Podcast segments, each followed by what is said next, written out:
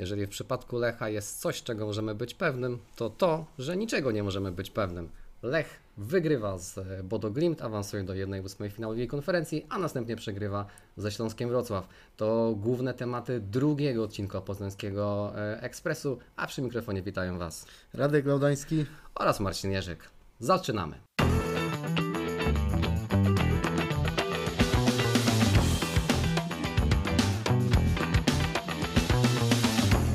No tak, e, można powiedzieć dla miłośników e, literatury współczesnej, ale takiej e, raczej z XIX wieku, że Lech to ostatnio Dr. Jekyll i Mr. Hyde. Ale zacznijmy może od tego, co, co było dobre, od tego, co zapowiadaliśmy w zeszłym tygodniu, czyli tego historycznego na pewno wieczoru, który będziemy pamiętać bardzo, bardzo długo, czyli tego, co działo się w czwartek przy bułgarskiej. Lech wygrywa z e, Bodo Glimt e, 1 do 0. E, W setnym występie w e, koszulce Lecha swoją bramkę zdobywa Mikael Isak i e, to daje e, Lechowi awans do jednej ósmej finału Ligi e, Konferencji. Radku, byłeś na e, trybunie prasowej, więc miałeś po raz kolejny e, trochę inną perspektywę. No to powiedz nam trochę, jak to, jak to tam wyglądało, co tam się, co tam się na tej prasówce e, działo. No tak myślę co, co do tego podcastu, te, kształtu tego naszego podcastu, że po takim meczu jak ten ze Śląskiem chciałbym, żeby on troszeczkę wyglądał inaczej mimo tej euforii, gdybyśmy, gdyby to był na przykład po prostu awans do Ligi Konferencji w takim momencie, ale Tak. zważywszy na to, że Lech Poznań robi awans do jednej ósmej finału Ligi Konferencji, patrząc też na to, że na wiosnę polska drużyna nie grała od 32 lat i na emocje, jakie przeżyliśmy na bułgarskiej, no bo tak naprawdę będąc tam na stadionie, ja, ja czułem się tak samo, jakbym oglądał mecz Lecha z Manchesterem e, City e, ponad dekadę wcześniej. To jest na pewno takie starcie, które poznaniacy będą mogli opowiadać wnukom. No i gdzieś tam uważam, że, że jest to większe wydarzenie niż, niż Puchar Biedronki, jak gdzieś tam dzisiaj mogliśmy przeczytać w mediach. Ale co do takiej perspektywy z trybuny e, prasowej, no to myślę, że po pierwszej połowie byłem bardzo zaniepokojony Lechem Poznań w tym, w tym spotkaniu, bo tak sobie wtedy pomyślałem, że przyjechał do Poznania Villarreal, czyli naprawdę wielka marka, uznana, uznana firma, dużo dobrych piłkarzy, takich jak na przykład Jeremy Pino w pierwszym składzie, który wcześniej bardzo dobrze pokazał się w reprezentacji Hiszpanii. No i tutaj jest Bodo Glimt, które na papierze wyglądało na drużynę słabszą, ale w tym meczu tak naprawdę było widać, jak mocno przyłożył się Villarreal do tego spotkania wtedy z Lechem Poznań, bo w Bodo Glimt było widać dużo więcej takiej jakości piłkarskiej tak naprawdę do, do Hapoelu czy to Austrii Wiedeń, to tak naprawdę w ogóle nie można było tego porównywać, bo to była drużyna dużo lepszego kalibru, no i no i widać było, że Bodo ma dużo tej jakości w ataku pozycyjnym. Ja wcześniej też byłem na media treningu e, dzień wcześniej, no i oni też mieli takie bardzo szybkie ćwiczenia z piłkami.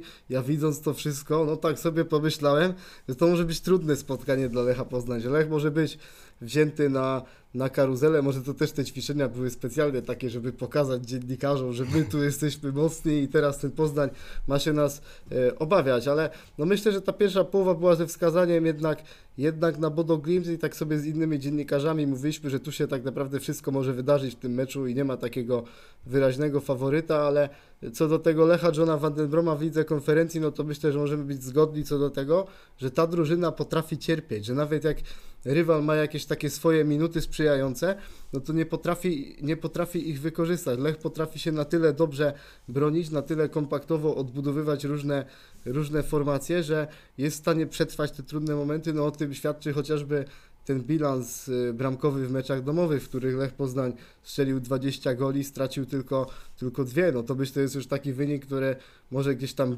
budzić y, podziw ce- wszystkich drużyn w lidze konferencji. Nie tylko ta frekwencja, 35 tysięcy, największa spośród wszystkich y, klubów, ale, ale też te bilanse Lecha Poznań u siebie i takie, i takie Dur Gordon, kiedy przyjedzie tutaj do Poznania, no to gdzieś tam musi, musi się tego obawiać Lecha już w meczach domowych, też szwedzcy dziennikarze na to zwracali uwagę, ale jeszcze co do takiej perspektywy właśnie z tej trybuny prasowej, no to siedziałem obok Ma Matiego Święcickiego z Eleven Sports, gdzieś tam cały mecz sobie wymienialiśmy różne, różne uwagi i Mateusz zakochał się w Filipie Szymczaku od początku, A, kiedy go zobaczył. Nie dziwię mu się. Mówił, mówił, że Filip Szymczak ma taką piękną mowę ciała, te wszystkie ruchy takie bez piłki, jakie on wykonuje i widać w nim było takie, takie rzeczy, które predestynują go do zostania piłkarzem dużego kalibru. Ja tak też widząc jego te wszystkie mądre decyzje boiskowe, zapytałem Matiego wprost, czy jego zdaniem Fernando Santos, który był obecny na, na stadionie,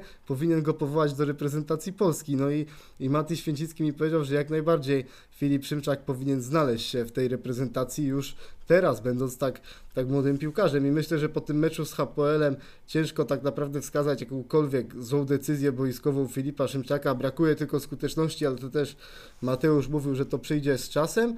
I tak jak mam jeszcze sobie indywidualnie ocenić różnych piłkarzy w tym meczu, no to myślę, że na bardzo duże uznanie zasługuje Joel Pereira, bo kilku było, kilka było takich sytuacji, bo do Glimt, gdzie oni naprawdę mogli się przedostać z bardzo groźną akcją, a on nie tylko robił przewagę podaniem, ale też bardzo dużo pracował w destrukcji i nawet były takie bardzo mocno stykowe piłki, że jakby to przeszło, no to praktycznie tam jeden z graczy, chyba wtedy to był Amal Pellegrino, wyszedłby na sytuację y, sam na sam z Filipem Bednarkiem, więc Pereira po raz kolejny udowodnił, że jest że jest takim prawym obrońcą, który mam wrażenie w Lechu nigdy tak nie działał na wyobraźnię. Żaden taki jeszcze, jeszcze boczny obrońca w Lechu Poznań nie miał u mnie takiego kredytu zaufania i takiego dużego uznania jak właśnie Joel Pereira.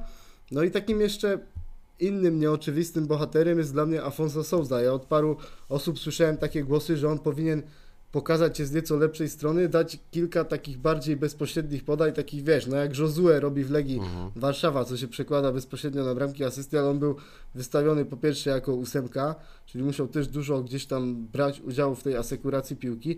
No i zwłaszcza w pierwszej połowie dla mnie on grał lepiej niż Jesper Kasztem w tym spotkaniu. Naprawdę to było takie uosobienie utrzymania się, się przy piłce. Cały czas to wyprowadzenie piłki było na bardzo y, wysokim poziomie. Napędzał mocno te akcje ofensywne, no i też w drugiej połowie mi imponowało z jaką takim pasją, z zaangażowaniem on walczył o każdą piłkę, cofał się w defensywie, no i myślę, że taki mecz Afonso Souzy mógł sprawić, że y, że John Van Den Brom nabierze do niego dużo większego zaufania, że już nie będziemy mówić o tym, że on gra tylko jedną minutę w lidze konferencji, tylko że w końcu ten trener nabierze do, do, do niego takiego zaufania, że będzie gdzieś tam od niego zaczynał to ustawienie drugiej linii w kontekście dziesiątki. No i myślę, że ten mecz mógł być dla niego takim mitem założycielskim, że pokazał się na tle takiego rywala, nie zawiódł, a nawet, a nawet dał wartość dodaną. No i tak jeszcze kończąc ten mój długi wywód na temat tego meczu z Bodo Glimt, no to były takie obrazki, które na pewno zasługują na, na uznanie. Pierwsza z nich to jest wypowiedź e, Filipa Bednarka w Mixzonie, który, który powiedział wprost o tym, o tym sukcesie Lecha Poznań, że to jest kolejny taki wielki dzień w jego karierze, o którym jak sobie gdzieś tam za kilka lat pomyśli przy, przy kominku, przy kubku dobrej herbaty, no to gdzieś tam mu łezka poleci i że on tak naprawdę cały czas przeżywa w sobie gdzieś to stulecie Lecha Poznań i że ten awans to jest taki, to jest taki element tego stulecia. Drugi taki element, no to jest John Van Den Brom wchodzący z piwem na konferencję prasową, witający Tak. się, się Cheers, no gdzieś tam po prostu zupełnie luzujący hamulce po tym, po tym sukcesie. No i trzecia taka sytuacja, o której warto wspomnieć, to są brawa od wszystkich dziennikarzy zgromadzonych na sali, kiedy się skończyła ta konferencja. No, ja chodząc na tego Lecha już jakiś czas na, na prasówkę, relacjonując różne, różne te mecze i będąc bliżej klubu, takiego czegoś jeszcze nie widziałem. Nawet, nawet chyba te brawa się nie pojawiły, jak, e, jak Maciej Skorża zdobywał Mistrzostwo Polski była ta ostatnia konferencja, więc to widać było, że ten awans zasłużył na taki gest uznania, no i myślę, że to jest taki dzień, którego Poznań nie zapomni nigdy i cieszą też te słowa Radka Murawskiego, który ambitnie mówi, że, że sufit Lecha jest dopiero w Pradze w Właśnie, właśnie, więc e, trze- trzeba sobie pomału już e, zaklepywać urlopy i, i rezerwować hotele e, w pracy. Też muszę powiedzieć, że też mi to mega zaimponowało, bo to pokazuje, nawet jeżeli tutaj Radosław Murawski może troszeczkę dodaje e, przy tych swoich oczekiwaniach, ale fajnie jest to, że piłkarze taką, taką perspektywę e, mają i że mówią o tym e, otwarcie. Mi to, mi to pasuje, mi to odpowiada. Dużo, Radku, poruszyłeś ciekawych wątków. Nie jestem pewien, czy wszystkie spamiętałem, czy do wszystkich będę w stanie się odnieść, więc powiem coś, powiem coś z mojej perspektywy, o czym zacząłeś też mówić, że Lech ten mecz będzie pamiętał i że Poznań tego meczu długo nie zapomni. Wspominałeś słowa Filipa Bednarka. Rzeczywiście już wydaje mi się, że od porannych godzin już e, e, czwartkowych widać było, że miasto tym meczem po prostu żyje. Widać było e, samochody z szalikami, widać było ludzi chodzących w barwach po, po ulicy. Ja nawet powiem, że jak w piątek rano jechałem do pracy, to jeszcze wtedy widziałem ludzi, ludzi w szalikach i, i, i w barwach. Najwytrwalsi tak, zostali tak, do tak. pracy. No, noc, noc w Poznaniu była długa, przynajmniej dla, dla niektórych. E, ja już jestem starym boomerem i już naprawdę e, mało rzeczy jest w stanie mnie tak dogłębnie e, poruszyć, ale przyznam się Tobie Radku i, i, i Wam, drodzy słuchacze, że jak Mikael Isak strzelił bramkę, to autentycznie poleciały mi, mi łzy. Po, po meczu musiałem sobie na, na, na chwilkę usiąść, bo tych emocji było, było tak dużo, że nie umiałem sobie z nimi od razu poradzić, zanim, zanim wróciłbym do domu. Także E, nie wiem, czy będę opowiadał ten, e, ten mecz wnukom, ale pewnie, pewnie synom e, tak, już im co nieco wspomniałem, więc na pewno, na pewno ten mecz zostanie w pamięci, ale też myślę właśnie, że, że w sercach, bo, bo tych emocji, patrząc od tej perspektywy, bo dużo mówiłeś o, o analizie tego, tego meczu i, i fajnie, fajnie nas przez to, przez to przeprowadziłeś, ale właśnie to, co jest solą kibicowania, o tym chyba mówił Dawid Dobrasz w meczykach.pl, że E, na tym meczu być może będą młodzi kibice, będą tacy, którzy pojawili się na stadionie po raz pierwszy albo po długiej przerwie i to, co tam się wydarzyło, to jest właśnie coś, do czego będziemy się być może przez, e, przez e, wiele miesięcy odwoływać, no ale przecież przed Lechem jeszcze to nie jest koniec. Już wspomniałeś o tym, że, że przed nami mecz ze szwedzkim Djurgarden. Na pewno o Szwedach porozmawiamy sobie e, troszeczkę szerzej w przyszłym tygodniu, kiedy ten mecz będzie już, e, już tak bardzo, bardzo e, blisko, ale wiemy już dzisiaj, nagrywamy ten podcast w poniedziałek wieczorem, że ponad 25 tysięcy osób kupiło już bilet na mecz, który przecież dopiero w przyszły czwartek, więc ta E, ta e, atmosfera wokół występów e, Lecha w lidze konferencji rośnie i ja kompletnie nie rozumiem tego deprecjonowania sukcesu przez niektórych tak zwanych ekspertów, ale też niektórych dziennikarzy, ten Puchar Biedronki i tak dalej. Ja Wam powiem szczerze i Tobie Radku, ja nie mam problemu z, z Pucharem Biedronki, ja chodzę do Biedronki na, na, zakupy, kompletnie mi to, mi to nie przeszkadza, ja się z tego cieszę i wydaje mi się, że to jest taki troszeczkę problem tego, tego świadka około piłkarskiego, ale w takim właśnie tym ekspercko, przynajmniej w przypadku niektórych dziennikarzy wydaniu, że nie umiemy się po prostu cieszyć, nie umiemy się bawić tą piłką, przecież piłka to jest, to jest rozrywka, my, my się spotykamy tutaj, bo my, bo my kochamy Lecha, kochamy piłkę, lubimy sobie o niej pogadać, chcemy się tym z Wami, e, z wami podzielić, a dlatego, że to jest po prostu fajny sposób na spędzanie czasu, na przyjaźnie, e, na radości itd., tak itd. E, jeszcze tylko kilka słów ode mnie o samym meczu, bo wspomniałeś o, o Afonso Sousie.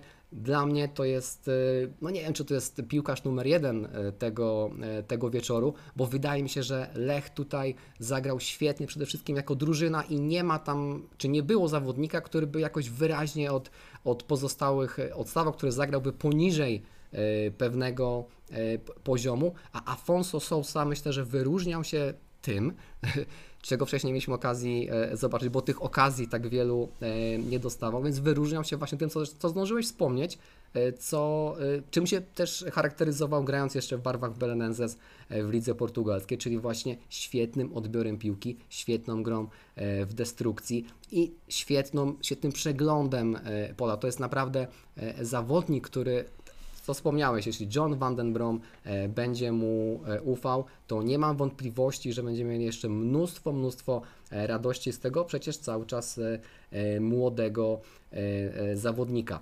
Mecz z Djurgarden w przyszłym tygodniu, więc myślę, że ten wątek możemy sobie nieco, nieco odłożyć. Chciałem jeszcze wczoraj po południu, jeszcze wczoraj przed godziną 17.30, jak myślałem sobie, jak będziemy e, ten drugi odcinek nagrywać, chciałem powiedzieć, chciałem zacząć ten podcast słowami What a time to be alive, ale już teraz nie jestem taki pewien, czy to jest rzeczywiście e, ten, e, ten czas, no bo e, to, co e, przeżyliśmy wczoraj, no my oglądaliśmy to e, z, e, w telewizorze, nie, nie było nas e, we Wrocławiu, ale to, co się we Wrocławiu na Stadionie Śląska wydarzyło, to się kompletnie wymyka jakimkolwiek logicznym e, wytłumaczeniom i w zasadzie nie wiadomo, co się wydarzyło e, wczoraj we Wrocławiu. Dlaczego Lech ten mecz przegrał? Przecież Lech miał wczoraj 70% posiadania piłki. Lech miał przewagę, jeśli chodzi o e, oddane strzały. Lech miał przewagę w e, strzałach e,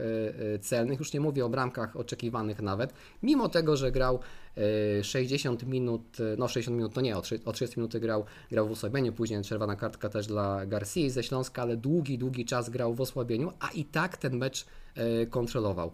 E, Radku, czy ty masz jakieś wytłumaczenie? No też jeszcze się chciałem troszeczkę odnieść do tej, do tej poprzedniej twojej wypowiedzi, co do na przykład tego, jak Poznań żył tym meczem z Bodo. Ja też widziałem na przykład nawet kierowców autobusów, którzy wy, wy, wystawiali w autobusach MPK szaliki Lecha Poznań. No to też mówiło dużo o tym, jak całe społeczeństwo poznańskie żyło piłką w tym dniu i jestem przekonany, o tym, że w trakcie meczu ze szwedzką drużyną Djurgarden taka, taka sama sytuacja będzie miała miejsce. Powiem więcej, jestem w stanie się nawet założyć, że w końcu zostanie przekroczone te 40 tysięcy. A ja teraz- się nie zakładam, bo na pewno, tak- na pewno będzie komplet, także nie zakładam że się teraz, z tobą. że, teraz, że teraz po tym awansie z Bodo Glimt myślę, że ten entuzjazm jest na tyle duży, że ci, którzy jeszcze nie byli w 100% przekonani, to po, prostu, to po prostu gdzieś tam wybiorą się na ten stadion. No i też co do tej drużynowości Lecha Poznań w tym meczu, no to też, też gdzieś tam zwróciłem uwagę na to, że w takich aspektach stricte piłkarskich, jeśli chodzi o kulturę y, gry, o dystrybucję piłki, o tworzenie sobie sytuacji bramkowych, Bodo Glimt to była drużyna lepsza od Lecha Poznań. No i to tam było widać, że oni potrafili strzelić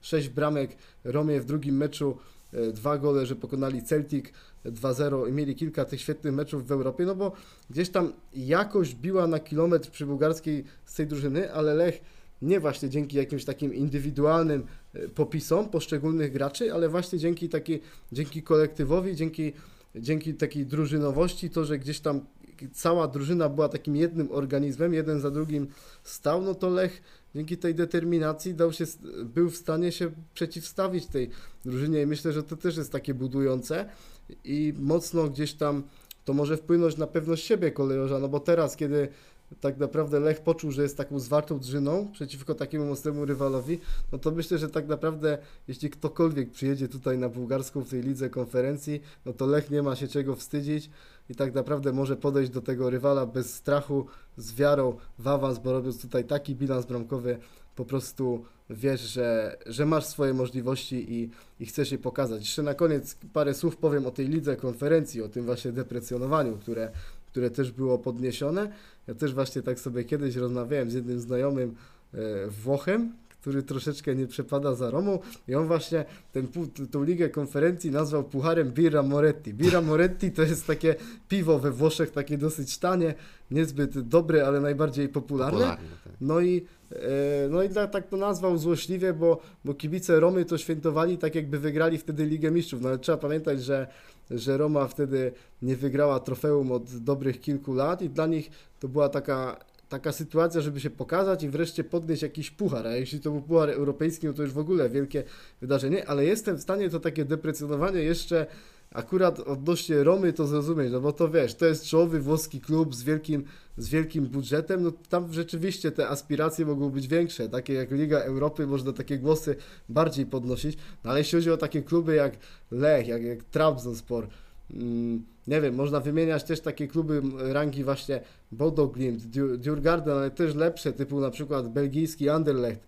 y, Bruksela, czy nawet y, kluby holenderskie typu PSV Eindhoven, czy wcześniej Feyenoord, no to myślę, że dla takich klubów Liga Konferencji to jest wielkie wydarzenie. I jeśli taka drużyna wygra trofeum europejskie, czy będzie tam nawet w półfinale, no to to jest myślę duża sprawa i to bardziej zasługuje na, na uznanie. I naprawdę biorąc pod uwagę sytuację, w jakiej znajduje się polska piłka, gdzie my tak naprawdę mamy, mamy problem, żeby łapać jakiekolwiek punkty do, do rankingu klubowego, no bo ma większe przełożenie niż ten ranking, ranking krajowy, no to naprawdę nie rozumiem zupełnie tych głosów deprecjonowania Ligi Konferencji i, i ciężko mi naprawdę ciężko mi naprawdę zrozumieć te głosy, że gdzieś tam nie jesteśmy wszyscy razem w obliczu takiego sukcesu, tylko wszędzie gdzieś tam staramy się szukać dziury w całym, no ale myślę, że taka gdzieś tam jest natura polskiego społeczeństwa i, i teraz nawet przy takim sukcesie Lecha Poznań musieliśmy tego doświadczyć, gdzie wydawało się, że Lech eliminując Bodo Glint wszystkie te takie negatywne głosy uciszy, a tu no nic z tego. No tak, jak będziemy grać regularnie w Lidze Mistrzów i będziemy wygrywać Ligę Europy, to możemy się na Konferencji wówczas e, zrzymać, ale no trochę musimy jeszcze na to, na to, na to poczekać. E, Okej, okay, no, to, no to Radku, wracając do, do tego mojego wcześniejszego e, zagajenia i, i pytania. No, jeżeli jest tak dobrze, to dlaczego jest tak źle? E, co, co z tym Lechem we Wrocławiu? Co tam się, co tam się wydarzyło? Tak jak mówię, ja nie znajduję na to, na to logicznego wytłumaczenia, ale może ty, jako tutaj człowiek już zakorzeniony nieco w, w, dziennikarstwie i trochę w analityce piłkarskiej, będziesz w stanie powiedzieć coś mądrzejszego ode mnie. No ja tu mimo wszystko widzę jednak przyczyny tej porażki i mhm. pewną taką powtarzalność tych, w tych przyczynach. My ostatnio bardzo dużo mówiliśmy o, o nieskuteczności Lecha Poznań, tak. że tak naprawdę Lech często z expected goals 2 ponad nie potrafi strzelić nic. No wczoraj gdzieś tam miał też to expected goals 2 i strzelił z tego jedną bramkę. Śląsk tak naprawdę z goli oczekiwanych pół strzelił, strzelił dwa. No to też daje bardzo dużo do myślenia i tak naprawdę zastanawiając się nad problemami kadrowymi Lecha Poznań, o których dużo się mówi, o rotacjach Johna Vandenbroma, gdzie te rotacje tak naprawdę są niezbędne, grając tak dużą liczbę meczów, tak naprawdę punktem wyjścia do tych wszystkich rozważań dzisiejszych o Lechu Poznań jest ta nieskuteczność, bo ja mhm. nawet sobie obserwując ten mecz,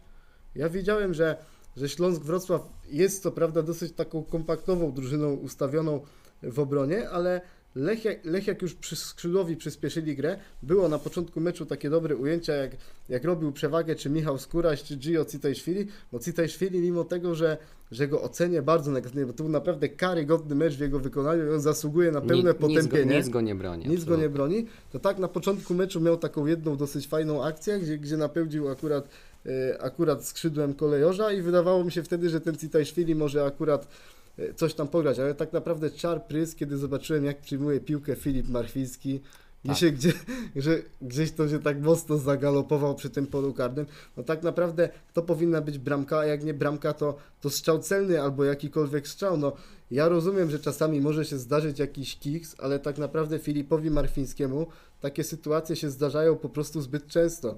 I my teraz możemy się zastanawiać no, nad przyczynami tej nieskuteczności e, Lecha Poznań. No, ja mam taką teorię, że gdzieś tam Mikael Iszak nie jest tego w stanie sam e, pociągnąć, jeśli chodzi o, e, o zdobywanie bramek. Ciężko tak naprawdę jako drużyna e, strzelać na przykład po trzy bramki na mecz, a często Lech traci bramki, więc musi gdzieś tam myśleć o takich rozmiarach, no mając po prostu skrzydłowych, którzy, którzy nie potrafią wykorzystać sytuacji sam na sam, tak jak Gio, tak jak Gio Citejszwili i tak naprawdę Lech dzisiaj jest taką drużyną, która nie dosyć, że ma, że ma problemy ze skutecznością, to też ma pewne problemy z asekuracją, bo wcześniej narzekaliśmy na brak Kalstrema Murawskiego, ale, ale w meczu e, ale w meczu w Legnicy był defensywny pomocnik, tutaj też był defensywny pomocnik Radosław Murawski, a mimo, a mimo wszystko, tak, przez pół godziny, ale widzieliśmy, że po stracie piłki Lech ma problemy. I ja nawet nie mówię o tej sytuacji Radka Murawskiego, w której on dostał czerwoną mhm. kartkę, tylko mówię też o sytuacjach wcześniejszych, gdzie Śląsk też wyprowadzał całkiem groźne kontrataki. Tak, bo to One... była trzecia taka tak. w zasadzie kontra, po której padła, znaczy po trzeciej kontrze padła bramka, ale to nie był pierwszy sygnał ostrzegawczy dla Lecha. Tak, i przy każdej takiej kontrze mogła się zapalić taka czerwona kontrolka, że coś tutaj jest nie tak. No i, i tak naprawdę pochodną jeszcze od tej nieskuteczności, o której wcześniej mówię, no jest też sytuacja kadrowa. Tutaj, tak jak mówię, nie ma co winić Johna Vandenbroma za to, że przeprowadza dużo rotacji w meczach, bo nie ma tak naprawdę innego wyboru. Tak naprawdę jak słyszę takie głosy, że, że Maciej Skorża miał stałą jedenastkę, że, gra, że grali cały czas ci sami piłkarze, że nie dał sobie wybierać składu, no to tak naprawdę gdzieś tam parskam śmiechem, no bo w tym sam, teraz John Vandenbrom z Lechem Poznań zagrał 40 meczów, a Maciej Skorża w zeszłym sezonie nie grał na trzy fronty, grał 26 spotkań, no i wtedy rzeczywiście ta pierwsza jedenastka mogła cały czas grać. Filip Marchwicki rzadko kiedy wąchał murawę, no bo tak naprawdę nie było takiej, takiej sposobności. Ci gracze podstawowi nie byli jacyś zajechani i tak naprawdę w każdej, w każdej kolejce mogli grać przez, przez pełne 90 minut. No teraz widzimy, że jeśli któryś piłkarz gra dłużej na boisku, no to gdzieś tam potem ma jakieś e, problemy. No teraz po, drobne problemy po, e, po meczu z Bodo miał na przykład Jesper Karlström, Yy, Mikael Iszak akurat wypadł przez, yy, przez kontuzję, ale też drobne problemy miał kartki. znowu przez kartki, tak. Ale też, yy, ale też miał drobne problemy Artur Sobiech ze zdrowiem, też Bartek Salamon wypadł przez, przez kontuzję i tutaj tak naprawdę bardziej niż Johna Vandenbroma gdzieś tam winiłbym i kazałbym się zastanawiać nad szerokością kadry Lecha Mhm. Poznań, bo ja dzisiaj to sobie tak sprawdziłem wszystko pozycja po pozycji, jak to rzeczywiście w Lechu wygląda i nie brałbym teraz tylko tak ilościowo tych piłkarzy, ilu my mamy w składzie, tylko taki, ty, tylko wziąłbym pod uwagę to, którzy piłkarze rzeczywiście coś mogą dać tą, tej drużynie, nawet jeśli są kontuzjowani. No i teraz sobie przejedźmy pozycja po pozycji. No i mamy w bramce Filipa Bednarka, ale wczorajszy mecz pokazał, że drugiego bramkarza to my tak naprawdę nie mamy w Lechu Tak. Poznań, bo ja w Dominiku Holcu z całym szacunkiem dla niego, ja od, ja od pierwszej minuty nie widziałem w nim takiej pewności, że on jest bramkarzem Lecha Poznań, że on dyryguje obroną tak jak, tak jak Filip Tak, ale to chyba, i... to chyba wszyscy widzieli, bo nawet Van den Brom powiedział wprost, e, cze- czego raczej unika, ale powiedział wprost na konferencji, że od kolejnego meczu do bramki wraca Bednarek i że to on będzie e, pierwszym wyborem, więc nie chcę powiedzieć, że Holec idzie tutaj drogą Artura Rutki, ale wszystko na to wskazuje, że tak właśnie będzie. No, Filip Bednarek jest bardzo niedocenionym piłkarzem. Ja też Filip pamiętam... Bednarek to jest taki e, nasz e, nowy Krzysztof Kotorowski. Wielu piłkarzy, wielu bramkarzy przychodziło za Kotorowskiego e, e, do Lecha. Było wielu takich, którzy mieli go wygryźć ze składu, a Kotorowski zawsze w końcu okazywał się być pierwszym bramkarzem i z Filipem Bednarkiem jest bardzo podobnie. No ja też pamiętam te głosy, które tak mocno krytykowały Filipa Bednarka po tym meczu z Miedzią Mhm. e, Legnica w tym zremisowanym e, 2 do 2. No zagrał jeden słabszy mecz, Mhm. ale tak naprawdę jeden słabszy mecz nie może przekreślać całego twojego dorobku w tym sezonie, bo Filip Bednarek parę punktów Lechowi Poznań w tym sezonie wybronił. I to jest piłkarz, któremu, to jest bramkarz, któremu zacząłem ufać tak naprawdę bramce. I kiedy ja go sobie zestawię z takim Holcem czy Rudko, no to to jest tak naprawdę przepaść. Lech ma dzisiaj jednego bramkarza i oby ten Filip Bednarek był zdrowy, bo jak jego by zabrakło na przykład w meczach Ligi Konferencji, to nie jestem To w stanie wyobrazić, co, co by się wydarzyło. I teraz kolejna pozycja. Prawa obrona. I to jest akurat pozycja, którą mamy bardzo dobrze zabezpieczoną, bo jest Joel Pereira, jest Alan Czerwiński, który jest takim żołnierzem Johna Van den Broma. On sobie radzi dobrze, więc tu, tutaj mamy względny spokój. Środek obrony. Jest Bartek Salamon, jest Filip Dagerstone, jeszcze teraz. I jest Lubo Szatka, który jak wróci do zdrowia, no to mamy też trójkę stoperów, oni tam jakoś dadzą radę. Pozycja stopera jest względnie zabezpieczona w Lechu. Lewa obrona nie do końca. Jest, jest Pedro Rebocho, który ma, no nie ma dobrego czasu w Lechu Poznań. No mimo, że w tym meczu z Bodo Glimt zagrał dosyć Mhm. dobrze, no to to na pewno nie jest Pedro Rebocho z zeszłego sezonu. Barry Douglas jest kontuzjowany, ale nawet jak nie był kontuzjowany, no to sport, tak jak szatni dawał sporo, to na boisku widzieliśmy, że, że ma swoje braki. Szóstka. Jest Radek, jest Radek Morawski, jest Jesper Karszczyn, ta pozycja jest dobrze zabezpieczona. Ostatnio był pech z Zagłębiem, ale wykartkowania dwóch graczy akurat nie można przewidzieć. Mamy ósemkę i tutaj się pojawia deficyt w Lechu, bo jest tylko Nika Kwekweskiri i tak naprawdę jeśli Nika Kwekweskiri będzie grał dużo, będzie zajeżdżany, no to po prostu przestanie być efektywny, a nie ma drugiego gracza tego typu i tak naprawdę siłą, siłą rzeczy sprawia, że ten Kwekwe nie może dać z siebie tego co najlepsze, nie mając drugiej ósemki, więc ja tak naprawdę dzisiaj się zaczynam zastanawiać, że tak naprawdę ten Pedro Tiba by się cały czas tej drużynie przydał, patrząc na to, jakie tam mamy problemy e, kadrowe. Jedziemy dalej, dziesiątka. I Dziesiątka tak naprawdę często jest podnoszony taki temat, że na tej dziesiątce nie mamy piłkarzy i że to jest taka pozycja, która bardzo mocno wymaga wzmocnień. Takimi naszymi dziesiątkami, które mogą coś dać drużynie jest Afonso Souza i jest nim Filip Szymczak, bo mi ostatnio Filip Szymczak się bardziej podoba zdecydowanie na dziesiątce niż, yy, yy, niż, niż na tej swojej optymalnej pozycji, czyli, czyli jak gra czasami na dziewiątce za Mhm. Iszaka, bo tam jest taki bardziej trochę osamotniony, tak mam wrażenie, że kiedy on gra bardziej z głębi pola, to, to bardziej napędza te akcje, tam- te akcje kojarza i dobrze mu się współpracuje też, też z Iszakiem, ma więcej przestrzeni. Joa Maral zobaczymy, czy będzie też rozpatrywany, bo wczoraj John Van den Brom powiedział, że po zakończonym oknie transferowym cały czas jeszcze ma tego gracza w swoich planach, zmienił teraz zmienił teraz zdanie, no i, i myślę cały czas, że Joao Amaral jak, jakkolwiek nie byłby w słabej formie, cały czas może temu zespołowi dać dużo więcej niż, e, niż Filip Marchwiński i wczoraj już asystą to potwierdził, że wszedł i tak naprawdę dał ożywienie. Lewe skrzydło mamy Skórasia i tak naprawdę Skóraś nie ma zmiennika, bo z całym szacunkiem, ale Christopher Welde w meczach PKO BP Ekstraklasy to tak naprawdę nie ma czego komentować. Na prawym skrzydle e, mamy tylko Adriela Balue, no bo Gio Citajszwili wczoraj no nie, nie mieliśmy Skreślił prawa się się dziwić, dlaczego nie grał, skreślił się ze składu. No i w ataku mamy Iszaka, no bo sobie tak często wypada, że tak naprawdę też go trudno rozpatrywać. No mamy, mamy 15-16 piłkarzy takich, którzy realnie mogą dać coś drużynie. I to jest tak naprawdę oprócz tej skuteczności drugi problem Lecha Poznań. I tutaj myślę, że John Van den Brom możemy mieć do niego tylko takie zastrzeżenie, że w większy sposób nie naciskał na zarząd o, o wzmocnienia, bo mam wrażenie, że teraz obserwując sobie tą kadrę, można stwierdzić, że jakiś skrzydłowy zimą by się przydał, żeby tutaj przyszedł i wzmocnił tą drużynę. Tak, no tu y, przeanalizowałeś w zasadzie już cały, cały skład Lecha. Ja jeszcze sobie pozwolę wrócić e, do, do tego meczu ze, ze Śląskiem, bo oczywiście zgadzam się co do tego, że y, takim głównym wytłumaczeniem tej, e, tej porażki jest po raz kolejny e, brak skuteczności, czy zła skuteczność e, w wykonaniu Lecha. Ja o tym braku logiki, braku wytłumaczenia miałem na myśli, że ja nie wiem dlaczego tak się dzieje, bo e, Pep Guardiola powiedział e, kiedyś fajne słowa, że on, jak buduje drużynę, to jest w stanie ją zbudować do linii pola karnego. A to, co dalej, to już oni muszą sobie radzić sami. I tak trochę działa Lech, bo jakbyśmy sobie popatrzyli na konstruowanie akcji, właśnie na budowanie przewagi, na, e, na posiadanie piłki, e, to Lech tutaj w zasadzie no, nie, nie można mieć większych zastrzeżeń do, do tego, jak, jak Lech sobie radzi, też w ataku pozycyjnym. Natomiast to, co się dzieje dalej w polu karnym, to już jest dla mnie czymś, jest, jest zagadką, jest czymś, na co nie potrafię znaleźć jasnego wytłumaczenia.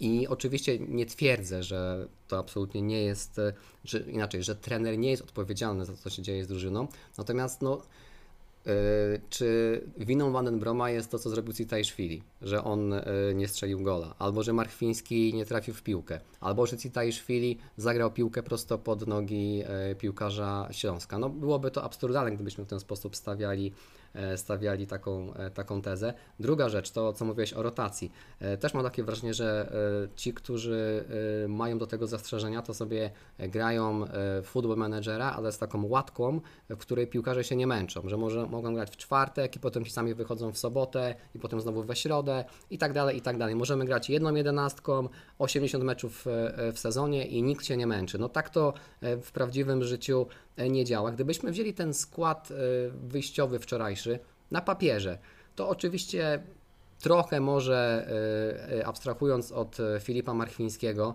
nie chcę się nad nim znęcać, no ale niestety e, gdyby, tak jak wspomniałeś, gdyby on e, oddał, chociaż oddał strzał, e, a miał dwie sytuacje, które naprawdę były dobrymi sytuacjami i one mogły ten mecz e, ustawić, ułożyć e, inaczej. I pewnie by ten mecz wówczas e, wyglądał inaczej, ale pomijając Filipa Marchwińskiego, to na papierze ten skład nie wyglądał wczoraj źle, mimo że e, tych rotacji było jednak e, sporo, więc moim zdaniem e, no, trener e, szyje z tego, co ma i radzi sobie z tym e, stosunkowo e, e, dobrze. Natomiast e, no, po raz kolejny e, zawodzi e, skuteczność i tu jest e, e, duży problem. Tylko czy właśnie prowadząc drużynę na takim poziomie, na jakim gra e, Lech, to czy trener jest w stanie jeszcze nauczyć ich, e, ich skuteczności? To jest, e, to jest tego typu e, e, e, zagadka. Mówiliśmy o tych takich negatywnych bohaterach, no bo w sumie niestety ciężko jest za, za wczorajszy mecz e, kogoś, e, kogoś wyróżnić. Wspomniałeś jednak e, Żał Amarala. No faktycznie e, on dał fajną asystę, naprawdę Świetne, świetne było zagranie. Niestety mam wrażenie, że już po tej asyście troszeczkę, troszeczkę zgasł, no ale też z drugiej strony od dawna go na, na boisku e, nie było, ale zgadzam się z Tobą e, i zobaczymy jak na to zareaguje e, trener, bo nawet e, e, Amaral będąc w takiej formie, czy może nawet będąc nieco pod formą, e, wydaje się być zawodnikiem, który mimo wszystko aktualnie jest w stanie dać drużynie nieco więcej niż, niż Filip Marchwiński. Tak jak mówię, jakby nie chcę go tutaj nadmiernie krytykować, bo chłopak na pewno e, zdaje sobie sprawę z tego, w jakim aktualnie jest miejsce. Poza tym strasznie się nad nim niektórzy kibice znęcają, a ja tego e, nie lubię. Natomiast może po prostu byłaby mu potrzebna e, chociaż krótka przerwa i trochę złapania oddechu i innej perspektywy. No i taka okazja może pojawi się już w piątek. Mówiliśmy o tym, że na meczu z Djurgarden już w tym momencie będzie ponad 25 tysięcy kibiców, a pewnie czeka nas e, komplet. Pewnie w piątek o 20.30 e, w meczu przeciwko Gdańskiej Lechii takich liczb się spodziewać nie możemy, ale zachęcamy Was wszystkich, e, aby się w piątek na bułgarskiej pojawić. Warto być z Lechem także w E, meczach e, ligowych, a to będzie bardzo ważny mecz dla Lecha, no bo przecież dwie porażki z rzędu. Dogonił nas Widzew, dogoniła nas e, szczecińska Pogoń, no a celem na końcówkę tego sezonu jest podium, a przynajmniej zdobycie miejsca dającego grę w przyszłym roku w europejskich pucharach, tak aby tego, co zdobyliśmy grając w wizy konferencji teraz nie roztrwonić. Mówi się o tym, że w Gdańsku jeszcze przed piątkiem czeka nas e, roszada e, trenerska. Tam ma się ma pojawić podobno e, Łukasz Smolarow. No i właśnie, teraz pojawia się pytanie, czy to będzie impuls dla Gdańszczan, bo Lechia jest, no nie wiem jak to ująć, żeby nie powiedzieć czegoś brzydkiego, w katastrofalnej dyspozycji i no nie wiem, czy jest przed nimi jakaś perspektywa. To co prawda nie jest nasz, nasz kłopot, ale e, zastanawiam się, no, czy Lech, e, jak Lech zareaguje na to właśnie grając z tego typu przeciwnikiem. No też tak jeszcze od, odnosząc się do tej wcześniejszej wypowiedzi, to jak mam jeszcze kogoś pochwalić po tym meczu ze Śląskiem Wrocław, to delikatnie pochwalę Michała Skurasia, bo mhm. według mnie, tak już nawet abstrahując od tej bramki, też parę akcji napędził, też był ten strzał w poprzeczkę. Według mnie to był najlepszy Michał Skóraś po mundialu. Tak jak on miał problemy po mundialu, tak mam wrażenie, że, że ten mecz ze Śląskiem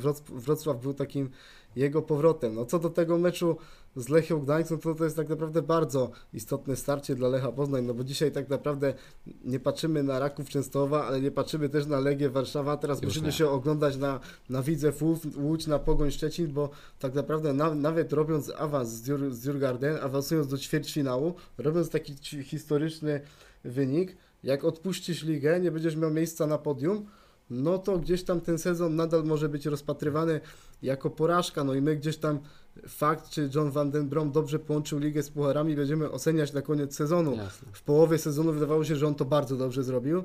Teraz pojawiają się pewne znaki zapytania, no ale my widzimy, że one bardziej wynikają gdzieś tam z problemów kadrowych, z tej nieskuteczności. My też tak oceniając tę nieskuteczność, ja po prostu dam teraz odważne stwierdzenie na sam koniec, ale uważam po prostu, że jak Lech ma, Lech ma pokonać tą nieskuteczność, no to po prostu trzeba wymienić kilku graczy z, mhm. z, przodu. Po prostu za Filipa Marchwińskiego, Artura Sobiecha, Christophera yy, Welde powinni przyjść piłkarze bardziej jakościowi i tacy, którzy gdzieś tam będą bardziej podejmowali takie mądre decyzje boiskowe i którzy, i którzy sprawią, że po prostu Szymczak czy, czy Iszak bardziej będą mieli z kim, tam, z kim tam grać. Ja też chciałbym pomówić trochę o moim takim nastroju po tym meczu ze Śląskiem Wrocław, bo tak naprawdę nie jest łatwo być kibicem Lecha Poznań. Wczoraj wszyscy się o tym doskonale przekonali, a takie coś, kiedy, kiedy przekrywasz w takiej, sytuacji, w takiej sytuacji, kiedy jesteś takim magicznym wręcz nastroju po tym Bodo Gimp, no to boli, boli niesamowicie. Ja tylko to mogę porównać do takiej sytuacji, nie wiem,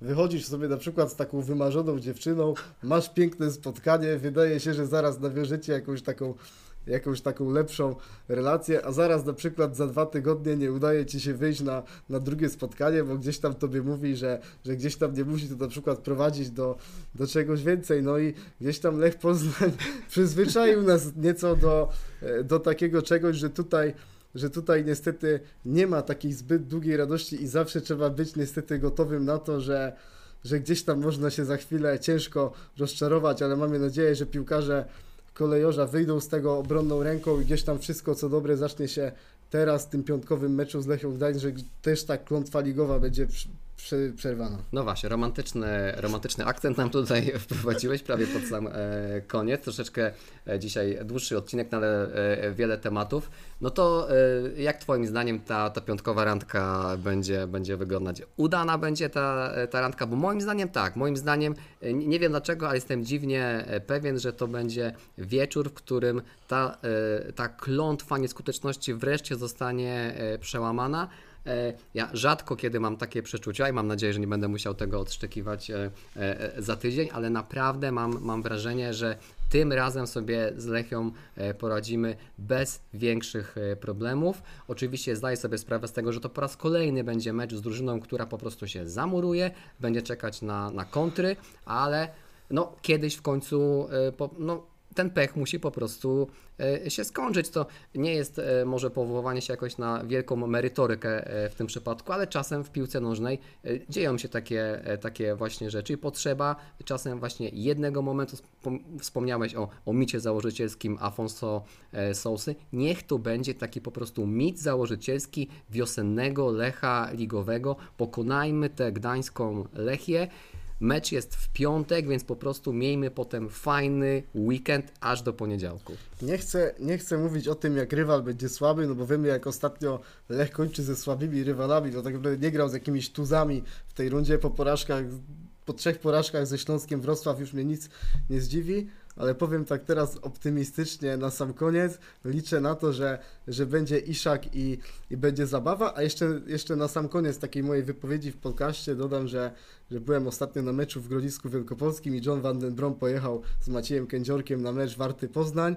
Komentatorzy Kanal Plus mówili, żeby obserwować Kajetana Szmyta. Jeszcze kiedyś powiem więcej o tym piłkarzu, ale myślę, że, że to jest taki gracz, który mógłby dać sporo ofensywie, ofensywie Lecha Poznań, zważywszy na to, że e, Tomasz Rząsta mówił o tym, że prawdopodobnie Michał Skóraś odejdzie, więc to się wydaje taki naturalny jego następca i, i też, który może osiągnąć jeszcze status młodzieżowca w przyszłym sezonie, więc myślę, że to też taki news warty odnotowania w podcaście.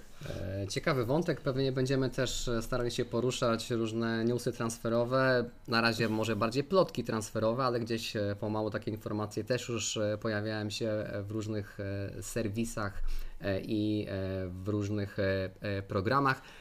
Wspomniałeś, Mikael Isak wraca po, po karencji. E, Lech do tej pory, jeżeli tracił punkty albo przegrywał, to według mnie przegrywał sam ze sobą i oby w piątek było e, dokładnie e, odwrotnie. Jeszcze raz zapraszamy Was wszystkich na bułgarską, a ci, którzy nie mają sposobności przed telewizory. Chcielibyśmy, też Wam bardzo podziękować za fajny, pozytywny odbiór naszego pierwszego odcinka. Dzięki za, za wszystkie uwagi i e, komentarze. Mamy nadzieję, że e, się Wam ten e, format spodobał. No i zachęcamy do tego, aby być z nami co tydzień, a także, żeby się dzielić poznańskim ekspresem z tymi kibicami, do których nam się jeszcze nie udało dotrzeć. Radku, to jeszcze kończąc, jaki Twój typ na piątek? 3-0 dla Lecha. Optymistycznie. To ja będę e, nieco mniej optymistyczny 3 do 1, ale w każdym razie 3 punkty e, muszą zostać e, w Poznaniu. No i to było wszystko, co przygotowaliśmy dla Was dzisiaj w drugim odcinku Poznańskiego Ekspresu. Słyszymy się tradycyjnie, już teraz można powiedzieć, że tradycyjnie za tydzień, życząc Wam dobrego tygodnia i fajnych emocji w piątek w meczu Lecha z Gdańską Lechią. Dzięki za dziś. Do usłyszenia. Trzymajcie się. Cześć.